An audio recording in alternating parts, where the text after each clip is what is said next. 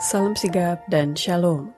Renungan kita pada hari ini, Minggu 12 November 2023, berjudul Tetapi berakarlah untuk menanggung pencobaan dan penggodaan. Ayat intinya terdapat di dalam Matius 13 ayat 20 dan 21. Benih yang ditaburkan di tanah yang berbatu-batu ialah orang yang mendengar firman itu dan segera menerimanya dengan gembira tetapi ia tidak berakar dan tahan sebentar saja. Apabila datang penindasan atau penganiayaan karena firman itu, orang itu pun segera murtad.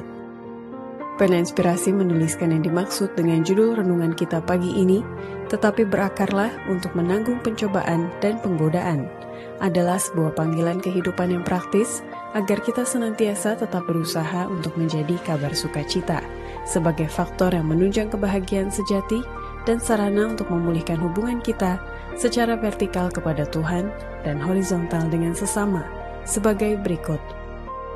Pertama, alasan Tuhan Yesus mengamarkan dan mengingatkan setiap orang dengan kalimat, tetapi berakarlah untuk menanggung pencobaan dan penggodaan, dikarenakan banyak orang yang tidak membuat firman Allah menjadi penasihat mereka, dan jalan-jalan hidup mereka belum diuji oleh ujian yang benar. Alkitab adalah pedang roh yang tidak akan pernah gagal untuk mengalahkan musuh.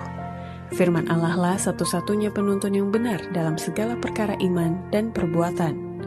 Alasan mengapa setan begitu besar menguasai pikiran dan hati manusia ialah karena mereka tidak membuat firman Allah menjadi penasihat mereka, dan jalan-jalan mereka belum diuji oleh ujian yang benar.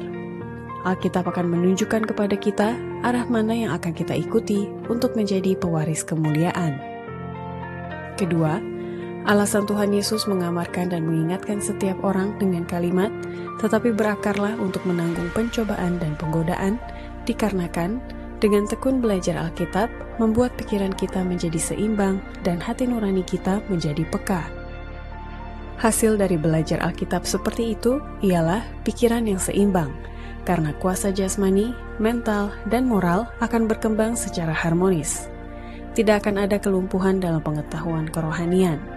Pengertian akan dibangkitkan, kepekaan akan dibangunkan, hati nurani akan menjadi peka, simpati dan perasaan akan dimurnikan, suasana moral yang lebih baik akan diciptakan, dan kemampuan baru melawan penggodaan akan diberikan.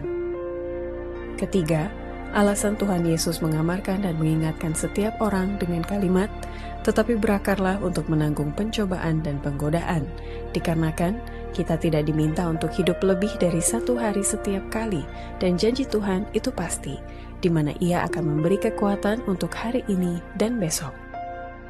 Janganlah kita menyusahkan diri kita dengan hari esok. Angkatlah beban hari ini dengan berani dan dengan bergembira. Kita tidak diminta untuk hidup lebih dari satu hari setiap kali. Ia yang memberikan kekuatan untuk hari ini akan memberikan kekuatan untuk besok.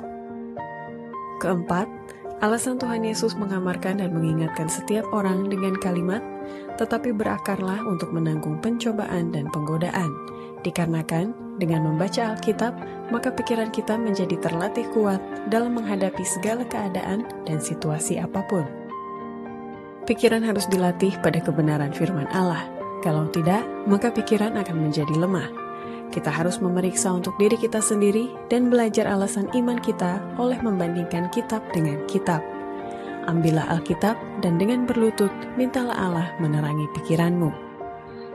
Kelima, alasan Tuhan Yesus mengamarkan dan mengingatkan setiap orang dengan kalimat, tetapi berakarlah untuk menanggung pencobaan dan penggodaan.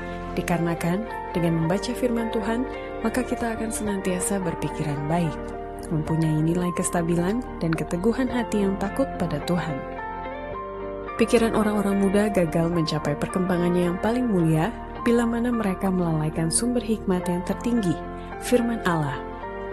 Alasan mengapa kita begitu sedikit memiliki orang-orang yang berpikiran baik, yang mempunyai nilai kestabilan dan keteguhan, ialah karena Allah tidak ditakuti, Allah tidak dikasihi, prinsip-prinsip agama tidak dilaksanakan dalam hidup sebagaimana seharusnya. Demikianlah renungan kita pada hari ini.